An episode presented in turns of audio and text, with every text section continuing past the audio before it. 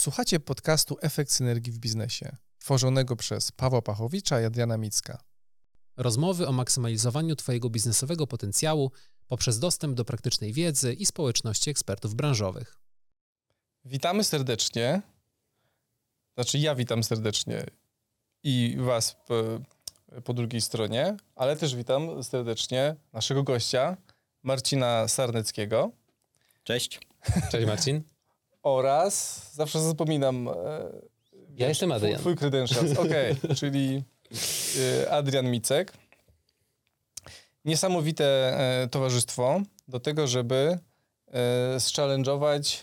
I tutaj ja miałem tak- taki trochę problem z przedstawieniem Marcina, bo to jest e, człowiek, który nosi wiele czapek. Czyli posiada bardzo jakby wiele talentów i też jego międzynarodowe doświadczenie sprawia, że bardzo ciężko jest wybrać em, elementy, które są e, jakby w jego przypadku najistotniejsze, bo jest ich co najmniej kilka. Więc y, zrobię bardzo krótkie wprowadzenie Mhm. do, do tego, jakby co jakby Marcin wnosi e, na co dzień. E, A potem w trakcie, w tra- w trakcie trwania tego naszego spotkania będziemy poszczególne elementy rozwijać. Więc e, Marcin mówił, że prosił, żeby nie mówić o, o jego e, zrozumieniu i znajomości psychologii. Natomiast ja muszę to powiedzieć, bo w momencie, w którym się poznaliśmy, Marcin, możesz, możesz oponować zawsze, ale Nie, nie no okej, Jest okej. na razie, na razie Jest okej. nie ma problemu. pojawiło się na razie tylko słowo Wybrnę psychologia. wybrnę. Tylko słowo psychologia, e, bez, bez kontekstu jeszcze. To może świadczyć, że czytałeś na przykład książkę, oglądałeś na YouTubie o psychologii Tak. rzeczy, a to wyjaśnimy tak naprawdę, co się, co się kryje pod twoim zrozumieniem psychologii. E, Wydaje mi się, że z psychologią tak samo jak ze sprzedażą, to, to, są, to są rzeczy, które, z którymi y, stykamy się na co dzień. Mhm. Tak. Tak, więc jakby to, ten, ten, ten, ten aspekt tw- twojego zrozumienia e, e, psychologii rozwiniemy później. A, a chyba drugą taką istotną rzeczą, którą warto wspomnieć o tobie, to to twoje międzynarodowe doświadczenie. Tak, tak mi się wydaje. Na pewno, na pewno to jest doświadczenie, które, które rozszerza bardzo horyzonty i, i daje no, taki pogląd, jak różne rzeczy, jak może inaczej, jak te same rzeczy są różnie robione w różnych miejscach. O, właśnie. Podejściem i, Mhm. no i z różnymi efektami ostatecznie. Dokładnie. I potem można może jakoś skorelować to różne podejście do różnych efektów i wyciągnąć z tego to podejście, które daje najlepsze efekty w danych uwarunkowaniach. Myślę, że można. Więc y, żeby po podsumować to przydługie w, wprowadzenie, ekspert z dziedziny psychologii, Robi się gorąco. Robi się gorąco. robi się gorąco, oraz osoba, która, y, można powiedzieć zawodowo, zajmuje się zarządzaniem w kontekście psychologii. Tak, można Okej. tak, można tak to ubrać w słowa. Tak, w, związku z tym, że mm, tak jak powiedziałem, no, jest ciężko ciebie tak jednoznacznie przedstawić w związku z tym, że łączysz bardzo różne kompetencje, e, no to wydaje mi się, że tak zawoluowany wstęp otworzy nam taki, taką przestrzeń na to, żeby w czasie trwania e, tej rozmowy poszczególne elementy rozwinąć, zaadresować, a my po prostu będziemy dopytywać, bo ja jestem niesamowicie, niesamowicie ciekawy e, tego połączenia zarządzania i psychologii. I jak kiedyś mieliśmy okazję e, rozmawiać, w taką ciekawą historię opowiedziałeś e, o escape roomach, pewnych zależnościach i, i, i fajnie by było, gdybyśmy, za, gdybyśmy mogli zacząć od, od tej, od tej Mhm. historii, w sensie gdybyś Tak. mógł nam jakby opowiedzieć, bo ona z, jakby to, co wynika z tej historii, to wydaje mi się będzie najlepsze mm, przedstawienie tego, czym ty się zajmowałeś w przeszłości i, i, jak spojrzeć na ten twój background w ogóle. Więc Okej. poproszę, poproszę o tą historię, która Okej. jest niesamowita. E, No dobra. E, Znaczy to, to wyglądało tak, że, że 9-10 lat temu przeniosłem się do Norwegii. E, To była decyzja taka bardzo od ręki, praktycznie z dnia na dzień. E, No i jak w tej Norwegii wylądowałem, to, to coś trzeba było zacząć robić, a ponieważ praktycznie większość swojej zawodowej części życia prowadziłem jakiegoś rodzaju e, działalności własne, no to tam nie planowałem specjalnie nic innego. E, Dodatkowo bez znajomości języka norweskiego e, nie tak łatwo tam się na rynku pracy odnaleźć, mimo że wszyscy angielski znają perfekcyjnie, to jednak, jednak te wymagania są dosyć, dosyć duże. E, No i w tym czasie e, ogólnie na całym świecie zaczynał się boom, boom na escape roomy. Ja zupełnie przypadkiem trafiłem na Facebooku, jakiś znajomy e, mój z Warszawy wpisał e, tak po prostu na ściance swojej, hej, wybieram się tam i tam, czy ktoś ze mną chce iść? No i ja patrzę, co to jest to tam i tam. Okazało się, że to był escape room, poczytałem, co to jest. Okazało się, że w Norwegii nie istnieje coś takiego jak escape room jeszcze wtedy. E, no więc, więc e, z żoną uruchomiliśmy pierwszy escape room w Norwegii. O proszę. Czyli zapomniałem dodać we wstępie, że jesteś przedsiębiorcą też. Tak można Takim- powiedzieć. takim tak, tak, z tak. i Większość kości przedsiębiorcą. doświadczenie jest, jest z przedsiębiorczości. Okej. Tak, tak, Czyli- dokładnie. Ekspert psychologii, Okej, przedsiębiorca, Tak, doświadczony przedsiębiorca, Doświadczony. międzynarodowy dokładnie. I, i, i to trzecie to zarządzanie. Okej. Kurczę, niesamowite połączenie. Dobra, ale przepraszam, słuchamy dalej historii. E, Okej, no i, i uruchomiliśmy te, ten escape room trochę na podstawie danych, jakie mieliśmy z innych krajów, gdzie coś już się, coś już się działo, ale okazało się, że rynek norweski jest zupełnie inny niż w większości krajów Europy, bo o ile w większości krajów Europy to były zabawy dla studentów, e, dla rodzin, te generalnie dla osób prywatnych, e, w Norwegii ten rynek okazał się być w 90% B2B. Nice. E, I to jeszcze przedsiębiorca ze znajomością e, rynku i procesów B2B. To Niesamowite. znaczy, ja, ja to mówię z perspektywy czasu. A, wtedy, jeszcze tego nie znałeś. rozumiałem. Okej, dobra, dobra. Wtedy tego nie rozumiałem. Uczyłem się na błędach. E, no i e, no zaczęły nam przychodzić firmy e, i problem polegał na tym, że tak jak większość escape roomów w Europie mieliśmy dwa pokoje, Mhm. e, no a, a, a, które mogły pomieścić tam góra 10, może 12 osób. E, No a firmy przychodziły jakieś tam działami czy zespołami. Często to było między 10 a 20 osób. No i klops. Więc zaczęliśmy szukać jakichś rozwiązań, no i, i postanowiliśmy wynająć większy lokal em, i zrobić coś unikatowego na rynku, bo stworzyliśmy cztery pokoje, które były identyczne, czyli takie odbicia lustrzane, tak żeby ta grupa między 10 a 20 osób mogła się podzielić na, na zespoły i rywalizować ze sobą realnie, porównując jak im poszło, tak? No bo cztery, cztery identyczne pokoje były. Udało nam się to zbudować. Firmy zaczęły przychodzić. No w escape roomach oczywiście jako prowadzący y, obserwuję, co się dzieje, bo muszę coś podpowiedzieć i tak dalej. No więc obserwowałem tak jednocześnie te, te trzy czy cztery pokoje, y, gdzie były grupy z jednego działu firmy na przykład jednocześnie. No i bardzo szybko się okazało, że te, te kilka grup w tych takich samych pokojach, nie widząc siebie nawzajem, y, prawie wszystko robiły tak samo. Aha. Czyli I- popełniały te same błędy. Popełniały te same błędy i właśnie to jest ta ciekawsza rzecz, no bo przeważnie rozwiązania, rozwiązanie było jedno, prawidłowe zagadki, no ale błędów można było popełnić mnóstwo w każdą Tak. możliwą stronę, bo część zagadek były naprawdę trudnych, ta, takich logicznych, sekwencyjnych zagadek, więc można było odjechać totalnie w, tych, w tych nieprawidłowych pomysłach. No a okazywało się, że na przykład cztery zespoły na raz robiły dokładnie identyczny błąd. To cię zaczęło chyba zastanawiać. No czy tak, nie? mocno mnie zaczęło zastanawiać do tego stopnia, że zaczęliśmy eksperymentować na, na ludziach. E, za- Legalnie. Legalnie, Legalny eksperyment. legalnie. Do tego nie dodałem. Ja cały czas buduję to, to jak cię powinien przedstawić, czyli y, oprócz przedsiębiorca procesy B2B legalnie eksperymentował w Norwegii na ludziach. Tak, legalnie O eksperymentowałem na ludziach. Ludzie wiedzieli, że, że są poddawani eksperymentowi, a Okej. mianowicie eksperymentom psychologicznym, ponieważ zaprosiliśmy, zaprosiliśmy do współpracy psychologa, którego akurat miałem okazję też przypadkiem wcześniej poznać w Norwegii. E, to on się nazywa Rolf Lindgren. I no, jest takim dosyć znanym na rynku norweskim i międzynarodowym, em, jeśli chodzi o psychologię oraz psychometrię, czyli mierzenie pomiary osobowości.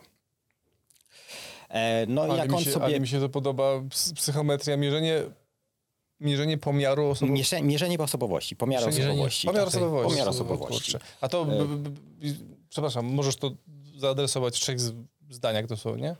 Co to jest? To Pomiar jest, osobowości, to jest pomiar- dla znaczy, mnie to coś jest tak- test, który jest wypełniony. Tych takich testów y, jest bardzo dużo, tak? Mhm. Oczywiście są, niektóre są profesjonalne, większość jest y, takich dla zabawy. Takim najbardziej profesjonalnym testem, profesjonalnym i najlepiej znormalizowanym na świecie jest y, test NEOPI. NEOPI R to jest y, test, który mierzy osobowość y, na model Wielkiej Piątki. Czyli tam możemy się dowiedzieć, czy jesteśmy ekstrowertykiem, czy introwertykiem, y, poukładani, czy bałaganiarze i tak dalej, i tak dalej.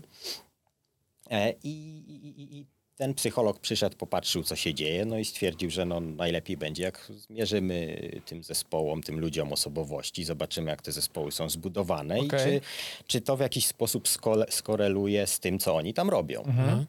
E, No więc zaczęliśmy mierzyć grupy jedną za drugą i, i, i faktycznie okazało się, że przeważnie te zespoły, które przychodziły z danej, z jednej organizacji, zespół z jednego działu, to byli ludzie, którzy mieli bardzo podobny profil osobowości, czyli cała grupa ludzi była, można powiedzieć, klonami z punktu widzenia osobowości.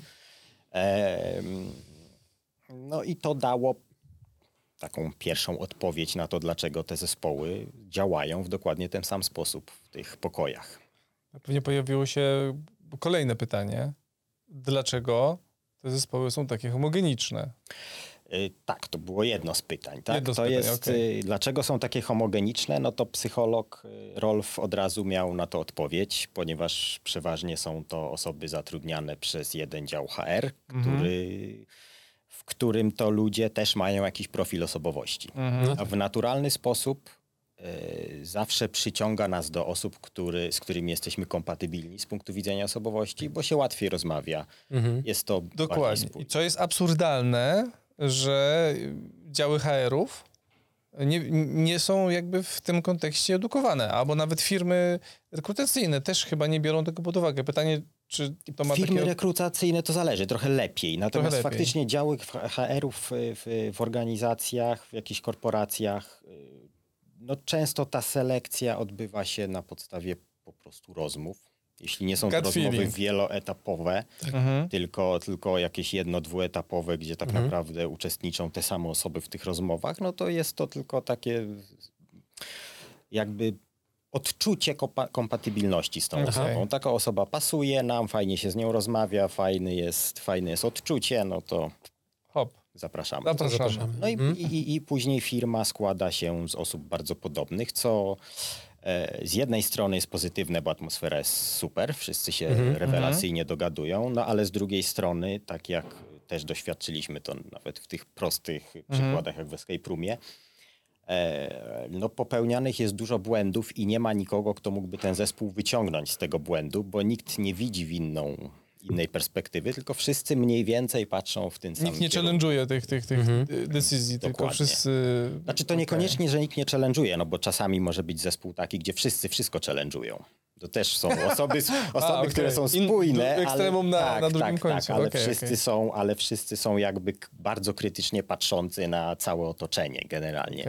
No ale tacy często nie są w stanie nic zrobić. Miałem, miałem zresztą teraz jakby kontynuując ten wątek, miałem taki, taką prezentację mm, w, na Uniwerku Holt w, na ich dziale w Londynie Mhm.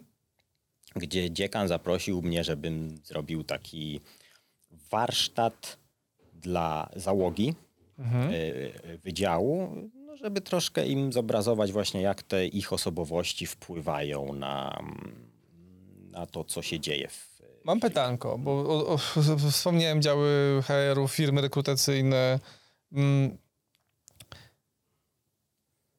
Jak istotny e, jest ten element psychologiczny jakby w, w procesie e, rekrutacji? Bo sobie teraz tak w czasie jak ty mówiłeś, to ja sobie pewne rzeczy zacząłem analizować i zrozumiałem, że ten aspekt jest mocno zaniedbany.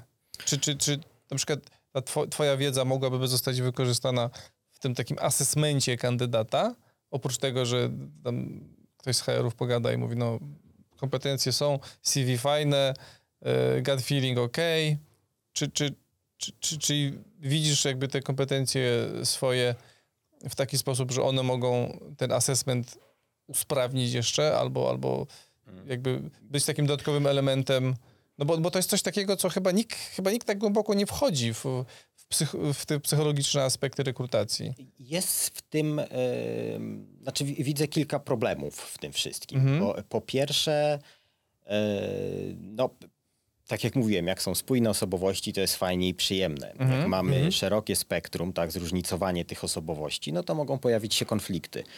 Więc y, z jednej strony mamy, możemy mieć zdecydowaną poprawę efektów pracy zespołu, który ma zróżnicowany zespół z punktu widzenia osobowości. Z drugiej strony takim zespołem jest trudniej zarządzać, ponieważ może się pojawić więcej kon, kon, konfliktów, które jeśli zespół nie rozumie tych zależności między, między tymi różnymi osobowościami, e, no to większość członków tego zespołu będzie odbierać pewne zwroty innych członków zespołu jako atak personalny.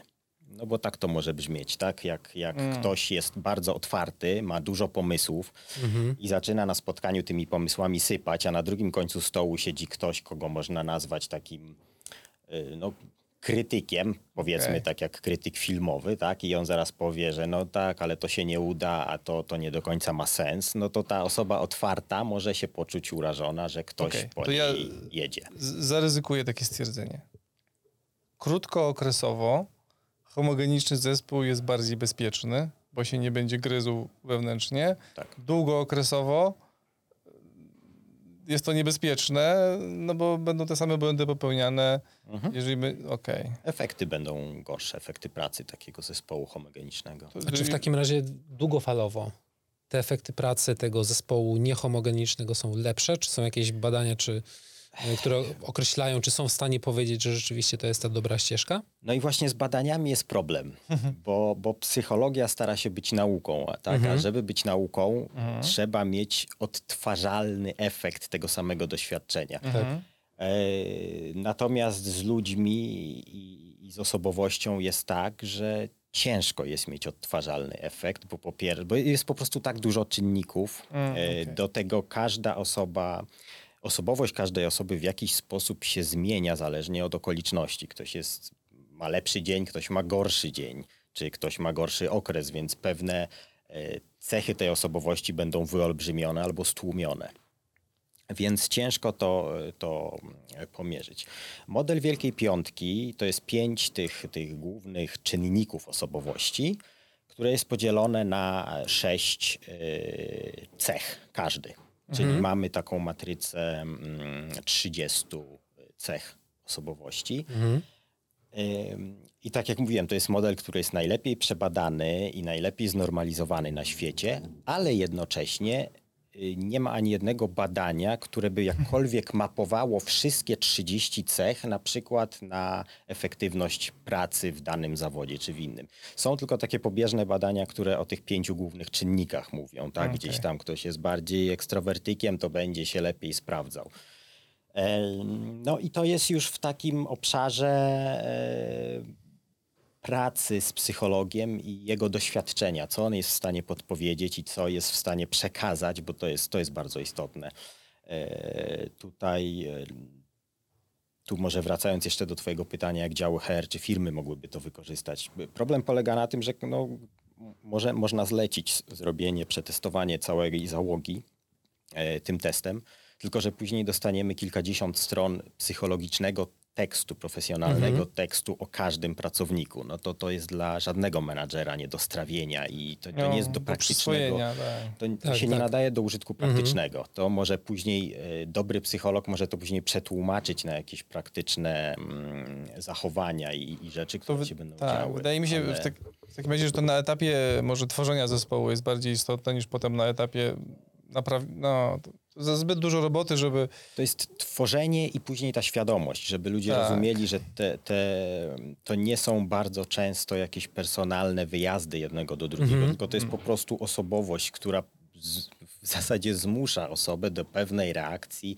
na coś, co się wydarzyło, tak? To jest po No prostu i- budowanie zespołów, tak? Budowanie zespołów, biorąc pod uwagę dynamikę tą interpersonalną, która jest w środku, plus e, to e, no, dynamika per- interpersonalna, która wyłania się z cech osobowości danej osoby, tak? Bo osoba, która jest bardziej introwertyczna, zachowuje się w inny sposób niż osoba, która no, ma inne cechy charakteru. I, I to jest poziom zarządzania, wydaje mi się, mocno nieeksplorowany.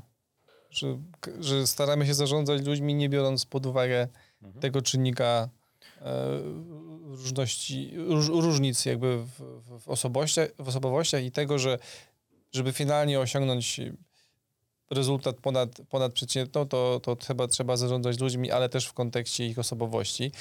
Ale wydaje mi się, że to nie na dziś.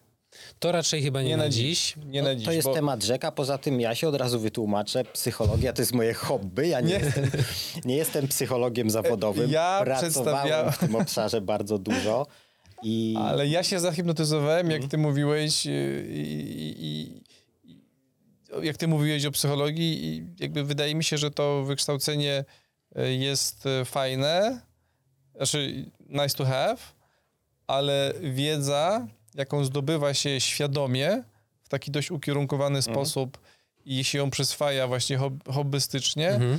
wydaje mi się, że no nie wiem, gdzie jest ta granica pomiędzy tym, że ktoś miał wykształcenie, a że ktoś spędził dziesiątki, może albo tysiące godzin na tym, żeby e, to zeksplorować, więc y, nie chciałbym się y, chyba tym kierować, że chcę, to, co mówisz, ma super sens dla mnie.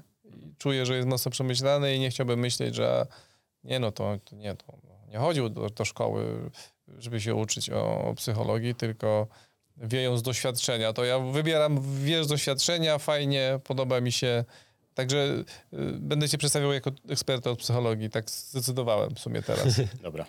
tak, ale żeby y, jakby tą historię jakby podsumować, y, jakie wnioski wyszły z rozmowy z psychologiem, jakie wnioski, wnioski wyszły? No bo zaczęliście się zastanawiać wspólnie, tak? Tak. Możesz powtórzyć y, tego imię i nazwisko? Tego? Rolf Lindgren. Okej, bo On ja nie zapamiętałem, przepraszam, ale za pierwszym razem nie zapamiętałem. Teraz też nie zapamiętam, ale chciałem, żeby się jeszcze pojawiło Mhm. e, jakby ponownie. Pytanie, jakie wnioski wyciągnęliście at end of, znaczy na końcu tej, tej, tej, tej rozmowy? Czy, czy to były takie, że e, wiem, krótki wniosek. W związku z tym, że dział HR-ów podejmował decyzję tak, jak podejmował i przyjmował tych ludzi trochę na podstawie takiego fitu osobowościowego, no to 40 osób przyszło naraz, czy tam nie wiem, 20 i wszystkie popełniały te same błędy, bo były przez ten sam dział HR-ów zatrudnione. Czy coś jeszcze, jakieś wnioski ponadto się pojawiły? E, Znaczy robiliśmy jeszcze eksperymenty mieszając różnego rodzaju osobowości, czyli, czyli co będzie, co będzie jak, jak... e, Znaczy inaczej, czy jesteśmy w stanie e, jakby na własne życzenie złożyć zespół, żeby był super efektywny, O, właśnie. był średni O, właśnie. był zupełnie nieefektywny. E, No i no, udawało się. Da się. Bardzo, tak, bardzo się dawało. Nawet, nawet mieliśmy kilka eksperymentów z, z grupami z Mensy norweskiej. Aha. No więc ludzi, którzy jakoś tam są predestynowani, żeby rozwiązywać logiczne zagadki. No i udawało nam się ich złożyć, ich z, z tych osób zespoły w taki sposób, że nie byli w stanie rozwiązać tych zagadek, mimo że jakby indywidualnie każda z tych osób y, przechodzi, przeszłaby ten pokój, rozwiązałaby te wszystkie zagadki bez problemu, ale jako zespół tych osób nie były w stanie tego zrobić. No i tu właśnie najciekawszy case jest- miałem w Londynie, w tym y, w Hulcie właśnie i, i tam przedstawiałem, jakby miałem im przedstawić, jak te wszystkie zależności działają, ale, ale dziekan powiedział, no to teraz tak jakby na boku, nie, nie przy wszystkich, Mhm. to teraz poskładaj te zespoły i powiedz mi, co się stanie. Także Okej. dał, mi, dał mi wolną rękę w tym, żebym te zespoły poskładał, no więc ja na podstawie wyników testów osobowości, które miałem już wcześniej, poskładałem te zespoły tak, żeby e, jeden sobie poradził bardzo szybko i bez problemu, drugi, żeby zdążył ledwo na czas, trzeci, żeby trochę się pomęczył, ale i nie zdążył, a czwarty miał być kompletną katastrofą. No i tak dziekanowi za, za, za, zakomunikowałem, jak to się odbędzie. I później dokładnie tak to się odbyło. A, a ja tych ludzi wcześniej nie znałem, nie widziałem na oczy. Tylko na podstawie testów osobowości byłem w stanie poskładać zespoły tak, żeby te zadania, które mieli wykonać, wykonali tak, jak ja chciałem, a nie tak, jak, tak, jak oni chcieli. Czy ten dziekan uwierzył ci przed tym eksperymentem, że tak będzie, czy... No nie, nie, nie. To było na zasadzie takiej, że, że on nie do końca był przekonany, że ja będę w stanie poskładać zespoły tak, żeby oni faktycznie zadziałali tak, jak, tak, jak będziemy chcieli. Więc o, oczywiście, no tutaj mówimy o escape roomach, a nie o poważnych projektach, które długo się toczą. Natomiast oczywiście ma to swoje przełożenie też na takie działania profesjonalne, gdzie, gdzie już jest dużo większy wpływ tego menadżera, tej osoby zarządzającej, która musi być świadoma i musi wiedzieć, co robi, ale ale to, że jeden zespół sobie będzie radził dużo lepiej, a drugi słabiej, jest, jest absolutnie do ogarnięcia. Przyszła mi do głowy taka usługa, Aha. że usługa, w której menadżer, który chce być bardziej skuteczny, no może się zastanawiać, jakby to być bardziej skuteczny, jakby tu motywować zespół lepiej, jakby jakieś tam im, w, zmiany wprowadzać. Taka usługa, w której można zrobić e, takie badanie osobowości i podejrzewam, że ta jedna zmiana e, wynikająca ze zrozumienia tych osobowości, jakie są w zespole, może przynieść dużo więcej e, pozytywnych e, rezultatów niż e, dziesiątki szkoleń, które po prostu pojawiają się w firmie, one wsiąkają, za trzy dni nic nie wie, a, a, a to jest po prostu next level zarządzania. To jest tak naprawdę Wow. bardzo dobry, nawiązując, efekt synergii, jeżeli popatrzymy na całość zespołu, bo testy personalne, y, też tak jak ja kojarzę, testy, testy personalne są często sprzedawane w cudzysłowie dla pojedynczego pracownika. Tak? Czyli określ, jaki ten pracownik jest, y, i tak naprawdę po tym, jak już określisz, jaki ten pracownik jest, no to tam nic się dalej w sumie z tym nie dzieje, tak? Albo coś, ktoś tam z tym pracownikiem rozmawia, jakie są rozmowy podejmowane, ale, ale bardzo rzadko dzieje się ten drugi krok. E, W niektórych metodologiach oczywiście się też z tym spotkałem, że on się jednak dzieje i to dobrze, czyli postawienie tego pracownika w kontekście całego zespołu, tak? gdzie mamy wszystkich pracowników, że tak powiem, zmapowanych, sprawdzonych, zbadanych i jest to taka, ja akurat działałem na matrycy cech, e, akurat mówimy tutaj o e, Galupie, o metodologii mocnych e, Talentów talentów Galupa, tak? Mm, No i wtedy można rzeczywiście cały ten zespół ustawić, pokolorować dosłownie te mocne cechy i zobaczyć kto, gdzie, jak się układa. I też wychodzą bardzo ciekawe rze- rzeczy wtedy, tak? Okazuje się, że wydaje się nam na przykład, że dany zespół powinien mieć w tym dziale takie cechy mniej więcej, bo tak to wychodzi podręcznikowo, a się okazuje, że oni jednak mają te cechy bardziej w tą stronę albo w drugą stronę i to nie jest jedna osoba, tylko wszystkie, tak? I to jest bardzo ciekawe i dlatego, Paweł, nawiązując do ciebie, już kończę swoją dygresję. To Dobra jest właśnie... dygresja nie jest zła. Tak, to jest właśnie bardzo ciekawe, żeby mm, dawać tym zespołom spojrzenie szersze, holistyczne, bardziej związane z tym, jak oni mogą ze sobą działać, bo samo to, że my jesteśmy w stanie nawet na takiej próbce, y, małej próbce powiedzmy, czyli krótkim badaniu escape room, przypuszczam, że to jest przeżycie na godzinę, dwie, coś koło tego, to jesteśmy w stanie biorąc tych ludzi na papierze, Zasymulować to, co może się dziać co może się To jest, tak. to, jest, to jest coś niesamowitego, bo, y, bo rzeczywiście może być tak, że jednak ci ludzie na dłuższym projekcie się dogadają. Mo, może tak być, Że się ale dotrą, osobowości że się, że się, że się dotrą. Znaczy osobowości generalnie w perspektywie całego życia osobowość się trochę zmienia. Natomiast to nie będzie tak, że e, w zespole poprzez wpływ innych członków zmieni się osobowość Tak. jakiejś osoby. Ja y, widzę tutaj niesamowity plus, bo patrząc na to, mm, jak pracują zespoły,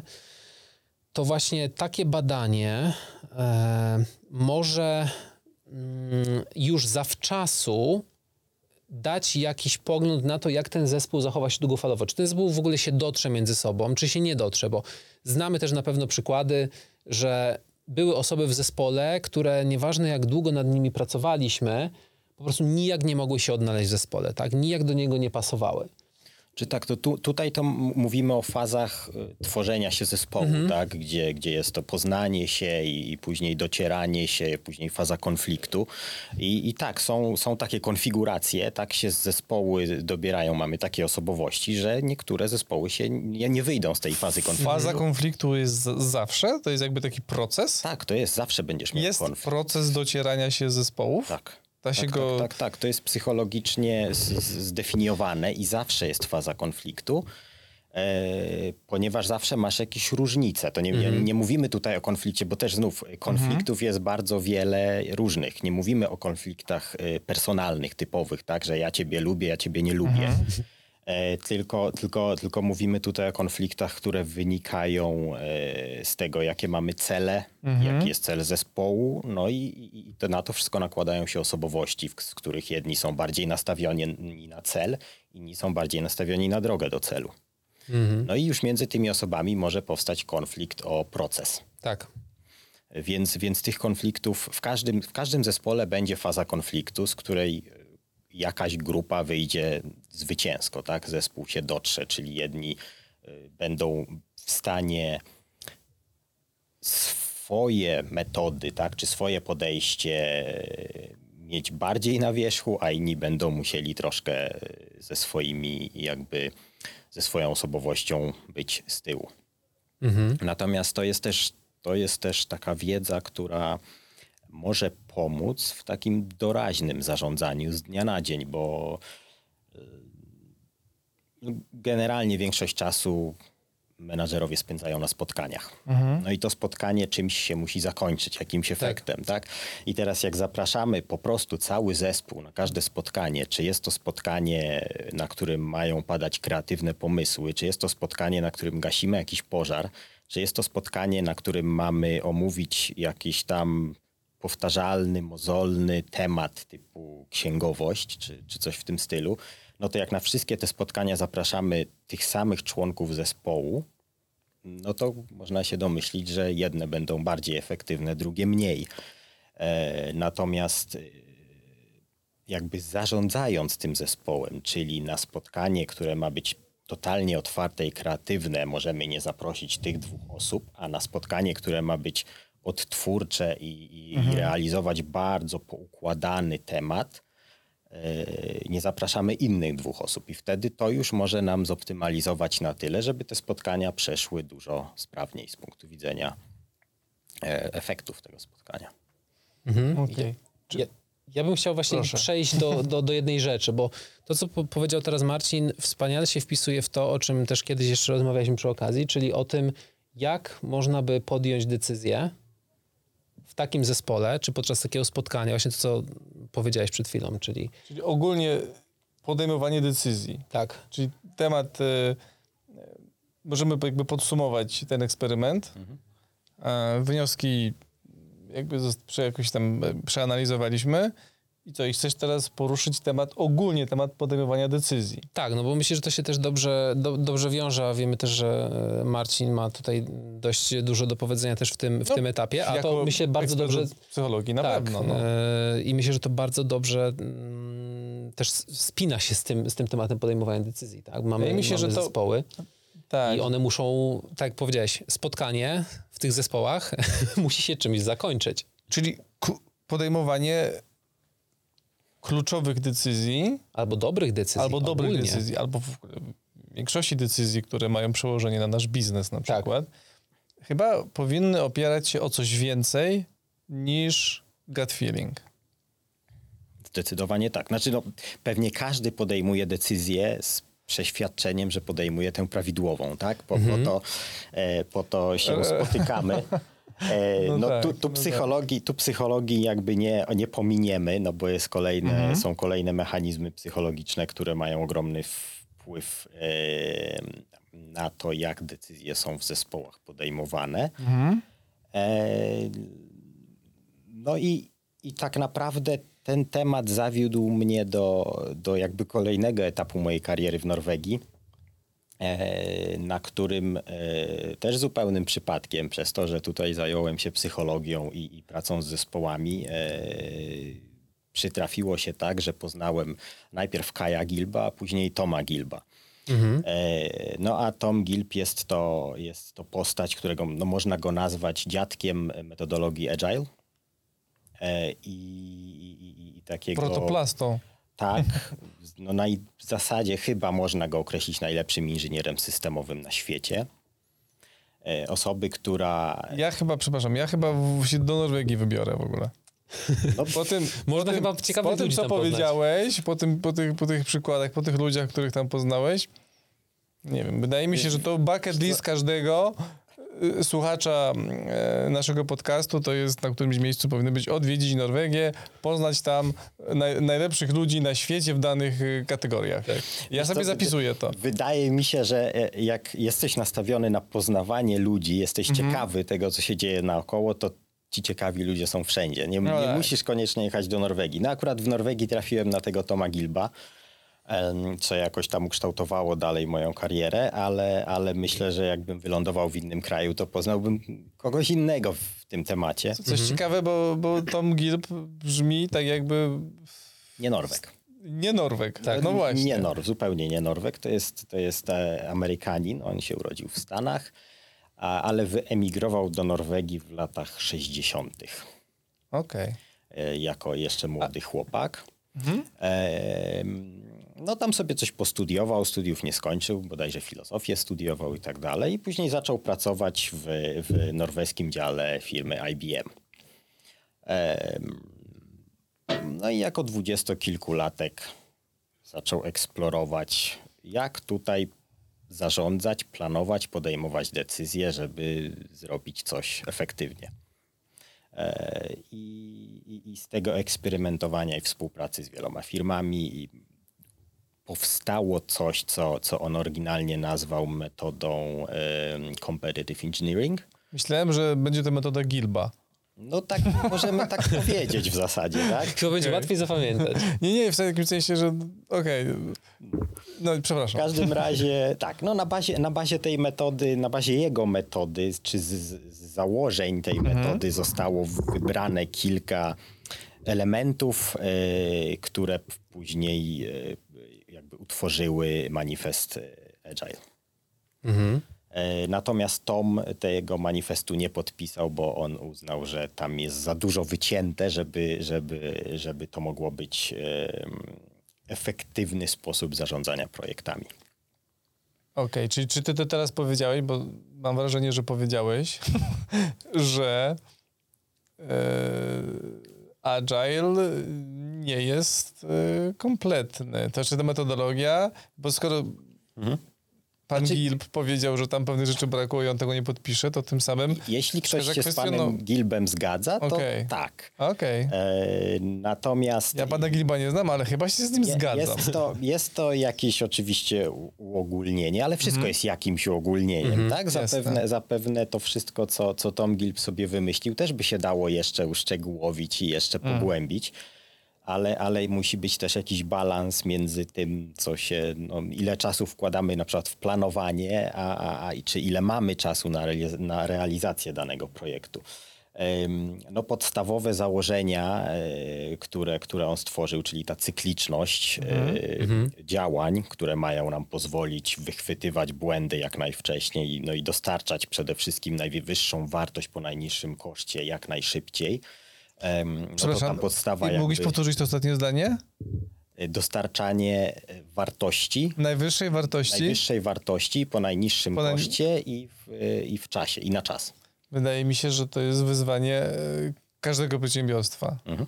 Każdej firmy. Każdej firmy niezależnie od branży. Tak.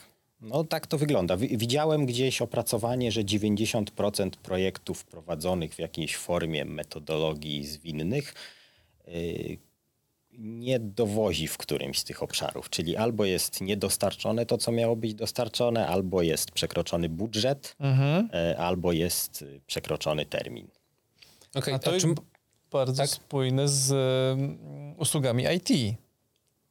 Bo ja słyszałem... Znaczy Zwłaszcza. Słyszałem, z- zwłaszcza, bo tam chyba ta, ta zwinna metodologia jest najbardziej bezpopularna. Czy jest dobrze robiona, Tak. to jest druga rzecz, ale jest popularna bardzo, bo niby IT wyprzedza biznes tradycyjny do- dość, dość, dość mocno. I y, to są właśnie te trzy problemy.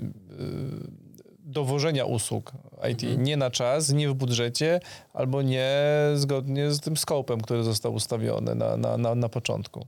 Mhm. Okej, ale rozumiem, że ta metodologia, ona ma nazwę, bo ja ciągle mi siedzi w głowie metodologia pana Gilba, ale nie Tak, wiem znaczy czy... y, oryginalnie się nazywała Competitive Engineering, bo ona Mhm. powstawała jakby w, we współpracy z różnymi firmami inżynieryjnymi, Mhm. szeroko pojętymi. Ym, Natomiast, natomiast później została jakby formalnie, nieformalnie prze, przemianowana na, na value planning, czyli planowanie wartości. Value planning, okej. Okej, no i teraz biorąc pod uwagę, że spotkałeś już Toma Gilba i, i Kaja Gilba, no to jakie były dalsze kroki właśnie w tej podróży w kierunku decyz- dobrej decyzyjności?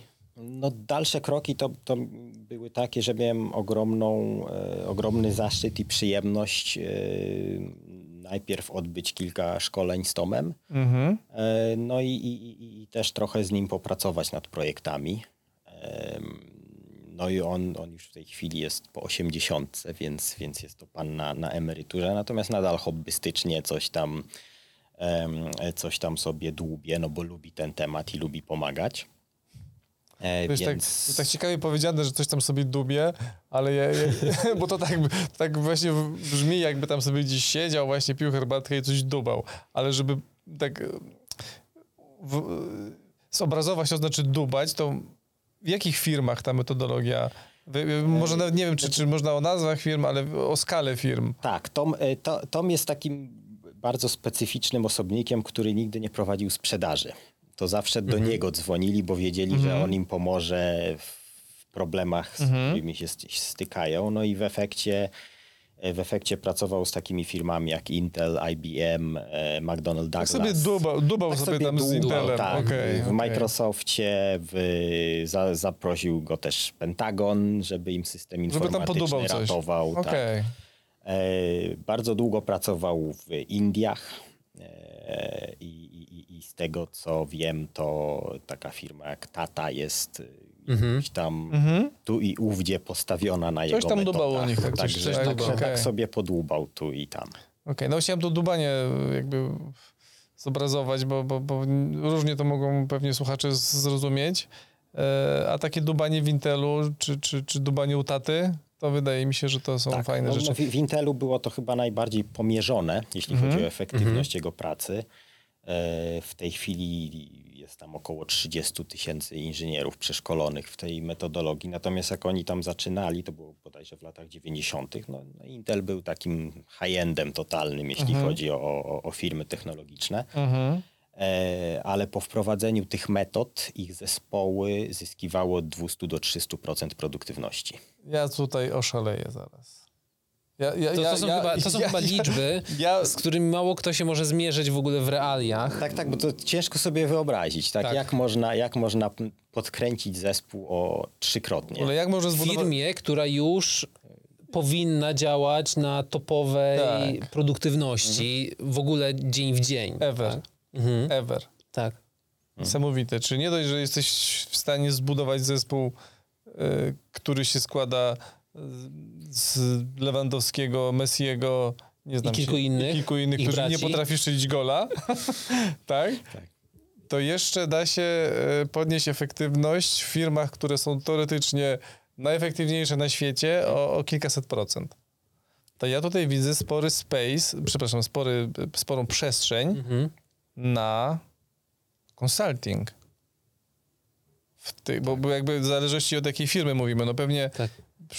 Mała skala, mała firma, taka, która no, no, no może nie, nie, nie, nie, nie do końca widzieć efekty, ale większe firmy, no to tutaj mogą mieć kolosalne oszczędności albo, albo, albo zyski wręcz wynikające z maksymalizacji efektywności. Tak, znaczy pl- plusem, plusem tej, tej metodologii jest to, że ona jest skalowalna.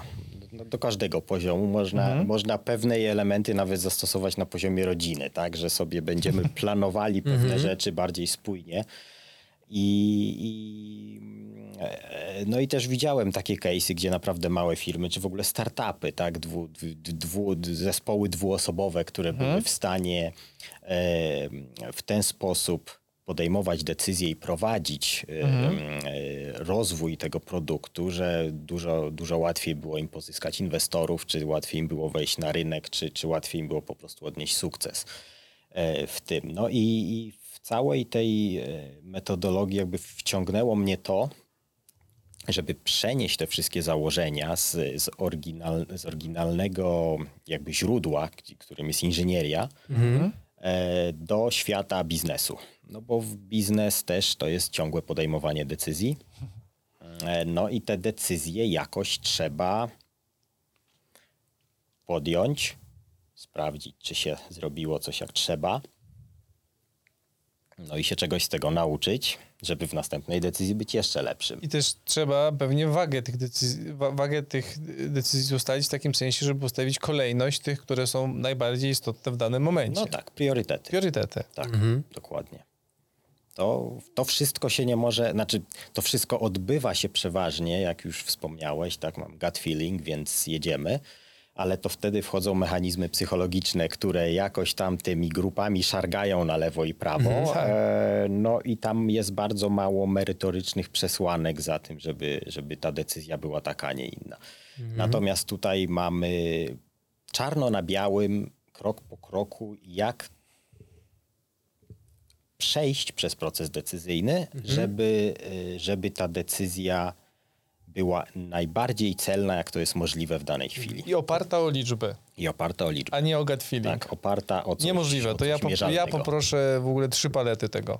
Właśnie, bo To jest, to jest, niewiar- to jest, to jest coś, nierealne. coś, coś nierealnego, że też da się, powiedzmy, wysz, nie wiem jak to nazwać, wyszkolić, wykołczować, przejść przez proces, który pozwoli nam tą decyzję, decyzję podjąć. Jestem wielkim fanem procesów, tak jak po jednym z odcinków naszego podcastu było widać, ale to może jest kwestia tego, żebyśmy tą końcówkę naszego odcinka dzisiaj, bo też Ja nie chcę chcemy- kończyć, Adrian. Ja też nie chcę Adrian, kończyć, ja nie, ale, ja, nie, ja nie kończę. ale nie chcę, żeby on Ja trwał też jeszcze- dwie godziny. Ja mam tyle pytań, że ja nie chcę kończyć. Ale też nie chcę, żeby on trwał dwie godziny, bo będzie po prostu też trochę, trochę, trochę za długi. Bo, bo troszkę w życiu poznałem się e, na, na konsultingu e, takim biznesowym i zrozumiałem właśnie, że nawet nikt nie... O, że, że to, co teraz powiedział Marcin, to jest, nie wiem, trzy- 30 lat przed tym, o czym teraz myślą konsultanci. Zgadza się. I, I myślę, że dobrze by było, żebyśmy teraz właśnie poświęcili ten czas, który mamy dalej, na to, żeby przejść przez te kroki, tak jak Mhm. A, Marcin czy nie kończymy jeszcze? Nie kończymy Okej, jeszcze dobra, teraz. bo ja już się przeraziłem, że będziemy nie, nie, nie, nie, nie. a ja- Mówiłem, żebyśmy ten moment, który mamy od teraz do końca, Mhm. przeznaczyć właśnie na przejście przez może właśnie te cechy podejmowania tej dobrej decyzji, żebyśmy podsumowali może pokrótce te kroki, bo to i tak czy tak będzie tylko muśnięcie tego tematu. To będzie taka, taka Tak, śmietanka tak. od góry, tak? Wydaje mi się, że mam taki plan. No. Znaczy, tak mi przyszło do głowy to w ogóle. Wiadomo, że nikt tego nie słyszy oprócz, oprócz nas Oprócz dwóch, no nas. i trochę Marcin jeszcze podsłuchuje, że to powinno być częścią cyklicznych naszych spotkań. Myślę, że temat Nie jest wiem, na czy, tyle nie wiem, szeroki. czy to ma sens. No myślę, znaczy mam się czuć zaproszony, tak? A, tak, tak, no tylko tak mów, żeby, żeby nikt nie słyszał więcej o poruszeniu Okej, trójki. okej, to tak ciszej będę mówił. Tak, tak. E, m, Myślę, że to jest bardzo dobry pomysł na taki cykl, e, cykl rozmów o tym, jak, e, jak podchodzić do podejmowania decyzji. Tak, bo ja się, ja się teraz tak, tak, organizować. tak się poczułem, że jakby z tą wiedzą, którą wspomniałeś, to, to aż to jest grzech, żeby ona nie została gdzieś poszorowana i Tak. to jest grzech, żeby ona nie znalazła zastosowania w firmach, które mają ogromne problemy z podejmowaniem decyzji, Mhm. zwłaszcza, tutaj y, troszkę wyjdzie to ten element, którego ja jestem fanem, czyli długie procesy sprzedaży, w których decyzja jest podejmowana przez kilku, może kilkunastu, ale pewnie kilku stakeholderów. Jak oni mają podjąć jakąkolwiek racjonalną decyzję, skoro każdy z nich ma inny gut feeling, każdy, każdy z nich ma inne zrozumienie tematu, może mieć inne cele i wydaje mi się, że jedyną rzeczą, która może ich połączyć, która może stworzyć z tego taką decyzję sensowną, to jest to, żeby właśnie ona została opisana liczbowo. Żeby ta- jakkolwiek opisana. jakkolwiek tak? opisana. Jakoś swo- skonstruowany opis, który pomoże uporządkować ten proces decyzyjny. Dobra. To, to ja, y, to, to głośno już mówimy teraz, nie? Mhm, Że głośno już mówimy, wracamy tak do Tak. kontynuacji. Będzie ok? W sensie możemy, to, możemy to, to... to od was zależy, co chcecie, żeby wiesz, było Możemy na to taśmie, kontynuować? nie. Pewnie, że tak. Okej, no to wydaje mi się, że powinniśmy to kontynuować, bo ja nie wiem, nigdy czegoś takiego chyba nie, nie doświadczyłem, bo z wieloma osobami rozmawiałem wcześniej, ale to jest trochę tak jakby, jakbym się dowiedział, że jak myślałem, że Ziemia jest płaska i dowiedziałem się właśnie, że jest tak, że nie jest płaska, że jest taka. Mówię, przecież to jest niemożliwe, że, że tyle firm mogłoby skorzystać Tak. y, z, tej, z tej metodologii, zwłaszcza, że ona jest opisana. Tak, znaczy jest pewnie tak, w- tak, gdzieś u ciebie w głowie albo u pana Gilba, no, a natomiast Ona jest absolutnie co dostępna. jest w dwóch miejscach na świecie jest dostępna. Tak, przynajmniej. Tutaj na tym Przynajmniej na fotelu. i- Przynajmniej na dwóch się znajdzie. Przynajmniej na dwóch. No to jakby koniecznie to mu- musi, mu- musi być kontynuowane i tutaj wydaje mi się, że im większa firma, tym większe znaczenie może mieć ta metodologia. Bo ma zastosowanie w każdej, to nawet w domu, nawet wybór tak, tak. tego, czy, czy, czy, czy, czy to piwo, czy inne piwo może mieć zastosowanie. Natomiast rzeczywiście przy podejmowaniu decyzji takich kluczowych, strategicznych dla dużych organizacji, to, to, to, to ta, ta wiedza, czy ten, nie wiem, taki nawet warsztat można by to było nazwać, e, może być warta, nie wiem, miliony albo dziesiątki milionów w takich No, ekstremalnych W albo... takich no, ekstremalnych no, przypadkach tak, na To pewno. nawet nie są ekstremalne przypadki, bo, bo, bo jest, jest taki przykład y, z lotniska w Oslo, Mhm. e, w którym e, oni mieli wprowadzić nowy system zdawania bagażu przez podróżnych. To miał być automatyczny system, czyli miała być oszczędność miejsca, czasu, personelu itd. itd.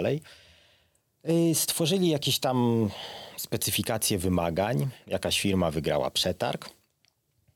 Ciekawe, jak wybrali tą firmę, która wygrała. No, Jak podjęli Nie, no, decyzję. nie, nie, nie, To nie, już nie. w to nie wnikam. Tak, tak. Szczęście w tym wszystkim było takie, że ta firma zgłosiła się do Gilbów, żeby im pomogli e, ogarnąć ten temat. E, no i pomogli. E, udało się im e, przepisać w ogóle, czyli firma wygrała przetarg obiecując dostarczenie określonej listy specyfikacji wymagań, po czym wzięli te wymagania, wywalili do śmietnika i przyszli z powrotem na lotnisko w Oslo. To, to jest nowa lista wymagań, którą my dostarczymy. E, oczywiście to wszystko podparli e, liczbami i dlaczego to zrobią w ten, w ten, a nie inny sposób. No, lotnisko w Oslo to zobaczyło, okej, no jak dostarczycie nam to, co nam dostarczycie, to, to nieważne, że co innego nam obiecaliście, róbcie to, co trzeba. E, można teraz nawet znaleźć na YouTubie filmik, w którym lotnisko w Oslo się chwali, jakie tam są oszczędności z tym związane. Między innymi mogli zrezygnować z wybudowania nowego terminalu. Tak No dużo to spora oszczędzili. inwestycja. To jest spora inwestycja. Jak już tak jak mi się przypomniał ten temat, jak mówiłeś o tych milionach oszczędzonych, no to, to są Nawet więcej miliony. chyba tam. Tak. No, okej. Okej, okej, także dobra, to już. Ja, ja się boję w ogóle pytać o cokolwiek, bo ja już jestem w szoku totalnym.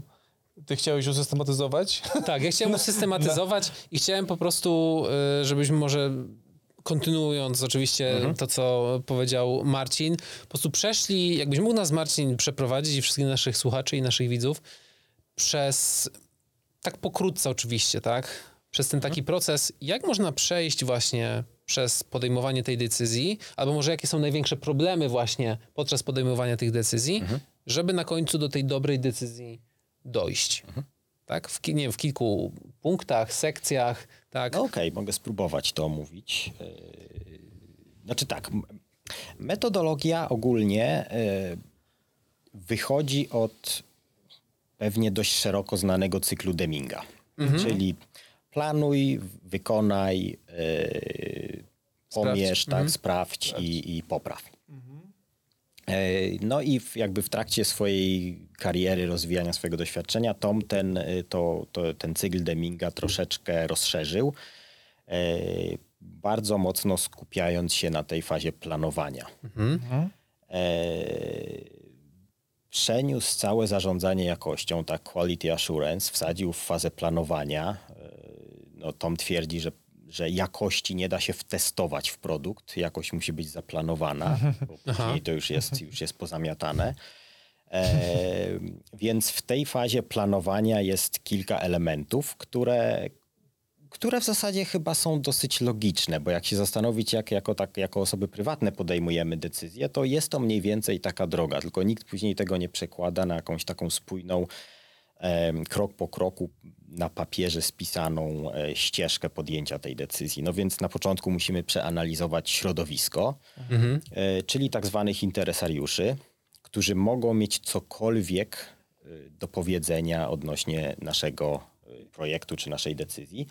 E, I tutaj istotnym jest, żeby pamiętać, że interesariusze to nie są tylko osoby. To mogą być też rzeczy, to mogą być też przepisy prawne. To może być cokolwiek może mieć wpływ na nasz projekt. No to, no to powodzenia, jakby zrobienie interwiu z przedmiotem, przecież on może nie odpowiadać. No może Możesz nie odpowiadać, ale tam może być coś napisane, bo na przykład A, jednym z interesariuszy naszego, nie wiem, projektu IT, jakiejś Mhm. aplikacji będzie RODO. No nasza Tak. aplikacja musi spełniać określone wymagania y, prawne, żebyśmy mogli legalnie Tak, tak, y, tak. pracować. Więc RODO jest jednym z interesariuszy. Mhm. E, I teraz oczywiście no, nie da się przeanalizować całego środowiska wokół projektu. Istotne jest skupienie się na tak zwanych, jak to to mówi, krytycznych interesariuszach, czyli wymaganiach, które, interesariuszach, którzy mogą mieć wymagania niezbędne dla tego projektu. Czyli odstawiamy na bok wszystko, bez czego projekt może się obejść, Aha. natomiast skupiamy się tylko na tych e, tematach, które są absolutnie kluczowe i krytyczne dla tego projektu w chwili e, tych rozważań, o których mówimy, tak? bo podejmujemy w tej chwili jakąś decyzję. Em, teraz tak, teraz następny etap to są, co ci interesariusze od nas chcą. Czyli lista wymagań, tak? Specyfikacja wymagań em, do tego projektu, więc e, część interesariuszy to są oczywiście my, nasz pomysł na realizację czegoś. Część jest zewnętrzna, część jest wewnętrzna, część to są, mogą być klienci, to mogą być pracownicy, którzy też mają jakiś wpływ na to, co się dzieje. No i właśnie jakieś inne nieosobowe e, czynniki. I teraz bardzo istotne jest, jak te wymagania są zapisane. E, bo wszystko możemy zapisać tak, że będzie albo wieloznaczne, albo jednoznaczne. E, I tutaj się po, pojawiają problemy, i tutaj jest e, ta kwestia zarządzania jakością, i tutaj się pojawia ten temat, w którym jesteśmy w stanie nagle zespół usprawnić o 200 czy 300%. E, ponieważ większość e, problemów, jakie powstają w projektach, one powstają e, z tak zwanych defektów, czyli błędów w specyfikacji wymagań. Tom defektem nazywa każde słowo, które może być zrozumiane na więcej niż jeden sposób. Ja, ja na takie określenie mówię słowa klucze, Tak, ponieważ ale one mają, mogą tak- otworzyć tyle drzwi, Tak jak, to tak jak nasze, nasze prawo jest chyba z, otwarte do interpretacji. dokładnie. Tak? Tak, jest napisane, że każde słowo możesz Czyli jest zinterpretować dużo możliwych. wieloznaczności. Nie, Mhm. nie chciałem Ogólnie, powiedzieć, e, tak jak to to nazwałeś, defektów. Defekt, tak. To, Tak, się, to jest się nazywa, bardzo tak, dużo, profesjonalnie bardzo dużo defekt. defektów. Czyli defekt na defekcie i każdy jest możliwy do interpretacji. To już teraz rozumiem, skąd tyle problemów z tym prawem. no tak. No, Okej, dobra, No dobra, taka czyli, czyli, mamy, Tak. czyli mamy tych interesariuszy, mamy te wymagania, mamy te potencjalne defekty i No i teraz tym defektom trzeba zapobiec na etapie planowania, czyli na tym, na którym jesteśmy. Trzeba wszystkie wymagania zapisać tak, żeby ktokolwiek weźmie do ręki tą, tę kartkę z wymaganiami i to czyta, nie mógł tego zinterpretować w inny sposób niż to, co autor miał na myśli. No i w tym najlepiej pomagają nam liczby. Jak coś jest zdefiniowane liczbowo, no to no wiadomo, jak ktoś napisze, ja chcę dużo piwa, no to dla jednego będzie to dwa, dla jednego 20, a jak ktoś napisze, ja chcę dwie zgrzewki, czy tak, czy osiem puszek, Jest grzewki, osiem puszek. mhm. konkretnie chcę 8 puszek, no to to już ciężko. No może jeszcze powinien oczywiście dopisać jakiej pojemności te puszki i tak dalej. Więc czym dokładniej wyspecyfikujemy te wymagania liczbowo, tym mniej miejsca na defekty, które później będą źle interpretowane przez wykonawców, podwykonawców, czy jak outsourcujemy, to już w ogóle się zaczyna robić tragedia. To wszystko będzie później do naprawiania i do poprawiania, więc będziemy te same rzeczy naprawiali kilkukrotnie, bo prawdopodobnie pierwsza, druga naprawa nadal będzie na poziomie tej specyfikacji, która jest tak ogólnikowa, że i tak nikt nie wie, o co chodziło autorowi, co autor miał na myśli. No więc tu na tym etapie mamy to całe zarządzanie jakością. No i jak już mamy te kilka kluczowych wymagań na danym etapie do rozważenia, możemy zacząć w ogóle myśleć o tym, w jaki sposób tam dotrzemy. Czyli co powinniśmy zrobić, żeby spełnić wymaganie pierwsze, spełnić wymaganie drugie, trzecie, czwarte i piąte. I w ten sposób budujemy sobie taką matrycę, tabelę, w której z jednej strony mamy wymagania, a tutaj mamy listę pomysłów, które nam mogą przynieść y, wymaganą wartość do wszystkiego, co robimy. Y, kolejny etap to jest te pomysły muszą, y, no, wybier, wybierzemy najlepszy pomysł. Mhm. Więc teraz musimy wyestymować, ocenić, oszacować, który pomysł ile nam przyniesie tej wartości, którą potrzebujemy.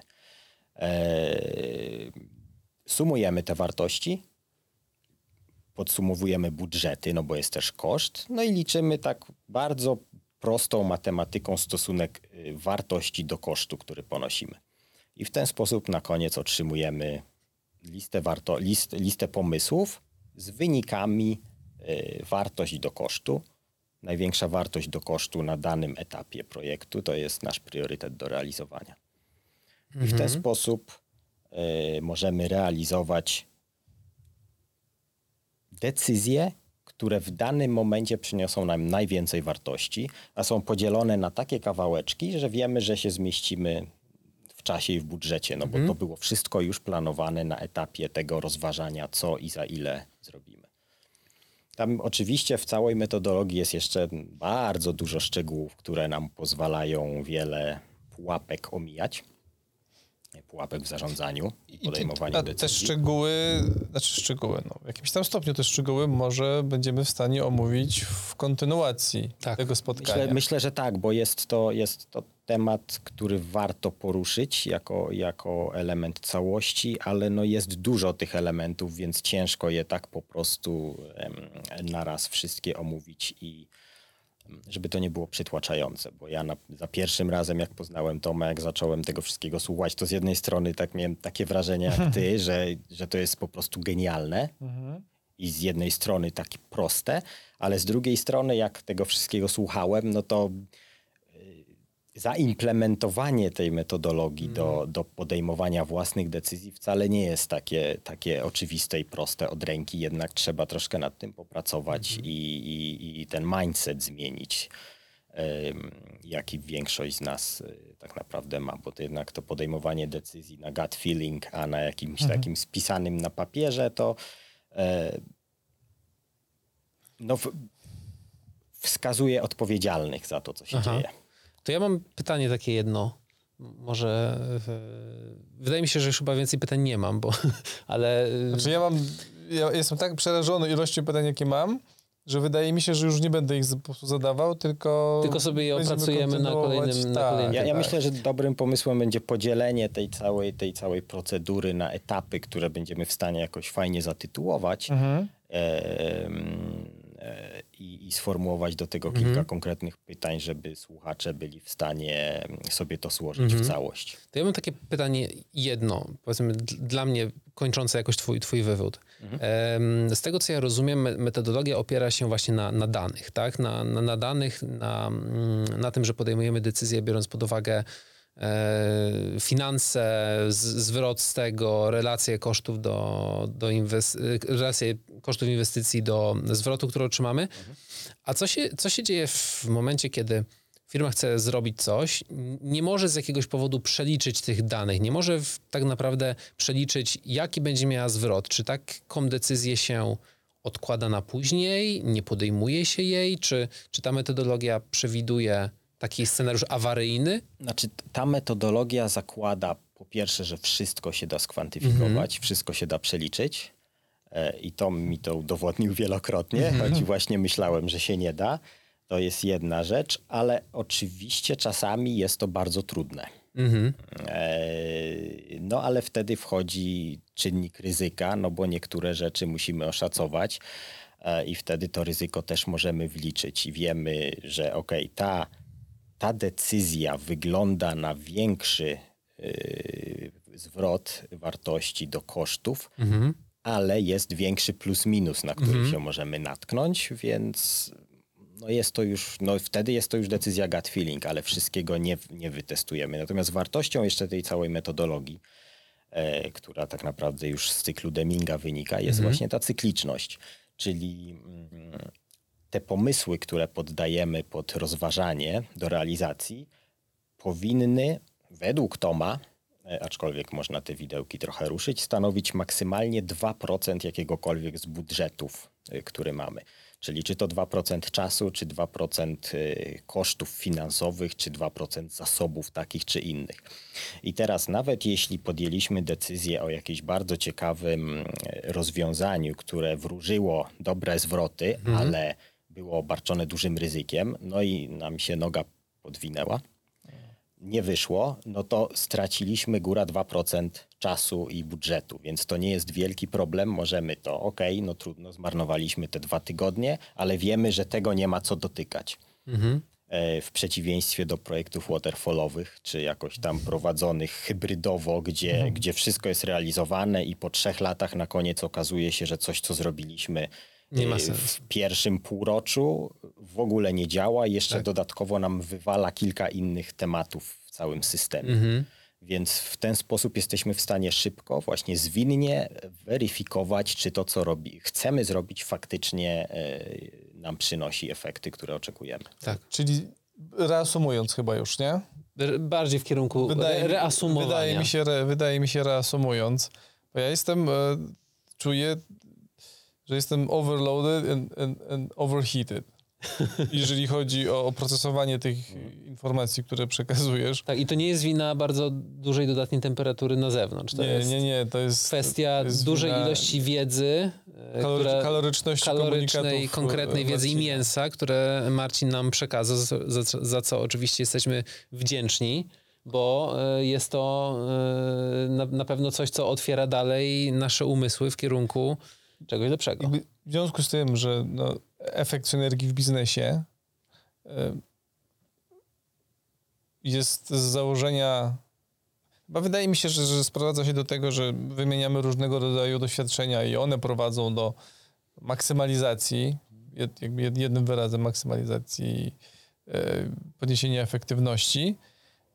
No to, to, to, jest, y, to jest trochę groundbreaking dla mnie. Mhm. To, to, to, to jakby nie wyobrażam sobie, żeby to nie, nie, nie było kontynuowane. Nie możesz się już cofnąć. Tak jak czasami mówią osoby, że this can't be unseen. Tak, tak, tak. To, to już zostało po prostu zasiane gdzieś tam u mnie w głowie i, i- i jest niesamowite.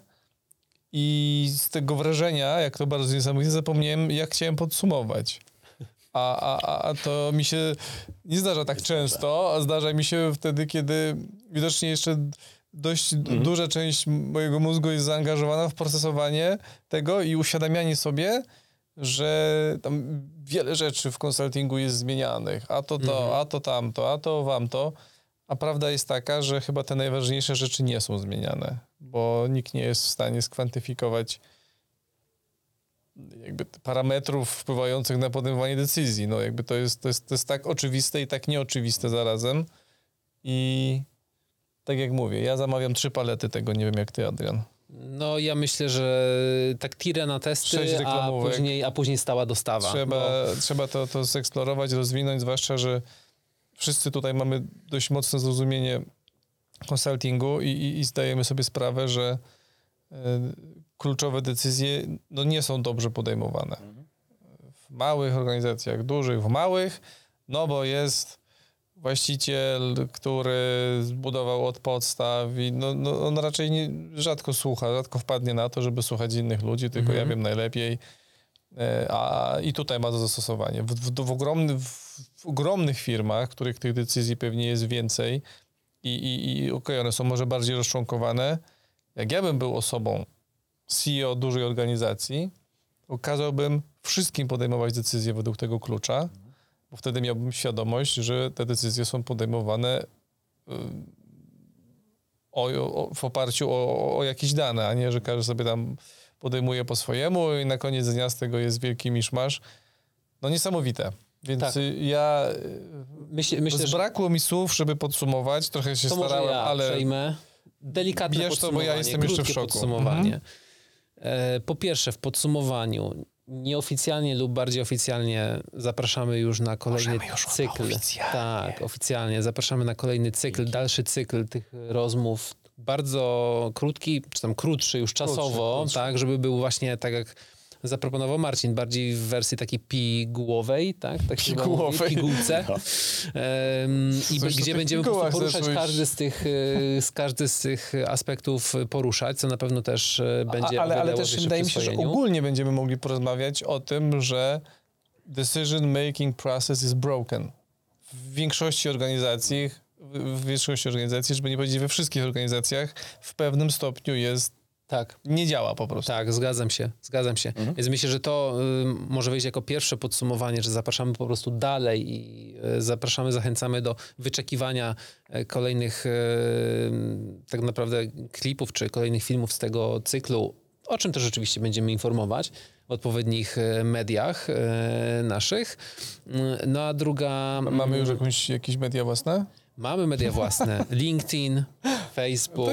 YouTube, Okej. podcast. Tak, będziemy informować i w ogóle jakby y, też ktoś był ciekawy, miał pytanie do Marcina. Ja mam pytanie do Marcina, więc ja będę je na pewno w komentarzach tam umieszczał. Mhm. Tak, zapraszamy do komentowania i zapraszamy także do pisania do nas bezpośrednio. Tak. I, I na pewno na Możemy- wszystkie pytania postaramy się odpowiedzieć. tutaj zanimować ten, ten, ten, ten, ten proces. Mm, Ja myślę sobie, że byłoby super y, jakąś formę w komentarzu dorzucić, jakąś formę jakiegoś testu, formę czegoś, co może pomóc sobie uświadomić. To zobaczymy, czy, czy, czy to się zrealizuje, bo to musimy zapytać Marcina. Ja tak sobie Tak. fantazjuję po prostu, bo mogę. Czy możemy dorzucić po prostu jakiś bonus Coś, dla, coś. dla naszych słuchaczy i widzów? Tak. Postaramy się. Możemy Jeżeli nie- będzie może- to możliwe, to, to postaramy się to dorzucić do opisów wszędzie, tak, żeby to było musimy powszechnie dostępne. No. Musimy przymusić naszego gościa, żeby Po, jakiś, po, jakiś pomyślimy jakąś bonus ciekawą wartość. się Tak, pojawił, jakiegoś, jakaś forma testu, jakiś, no coś, coś, coś ciekawego powinno się w, w opisie odcinka pojawić. Dobra, Okej. no to okej. To dziękujemy w takim razie. Marcin, dziękujemy Ci za przyjazd, Dzięki za, za pojawienie się i za świetną wiedzę naprawdę, która mi też otworzyła po raz kolejny, jeszcze poszerzyła mi horyzont. Myślę, że myślę, że Co Paweł, mi tobie zrobiła, też. to ja nie będę mówił, ale jeszcze dochodzę do siebie, także Także dziękujemy bardzo Dzięki wszystkim bardzo. naszym widzom, słuchaczom. Jeszcze raz dziękuję Marcinowi. No i zapraszamy na kolejny odcinek i na, kolejny na kolejny odcinek efektu synergii w biznesie Business Couch i też na kolejne odcinki z cyklu z Marcinem. Tyle tych odcinków. A, to jest, taki, to jest taka seria z Taka seria. Marcinem. Tak. Dzięki. Dziękuję bardzo. bardzo. Do zobaczenia. Do zobaczenia. Jeżeli zainteresowało Cię to, co usłyszałeś, zapraszamy Cię do naszej grupy na Facebooku pod nazwą Efekt Synergii w Biznesie, gdzie spotkasz się z ekspertami branżowymi i pasjonatami rozwoju biznesu.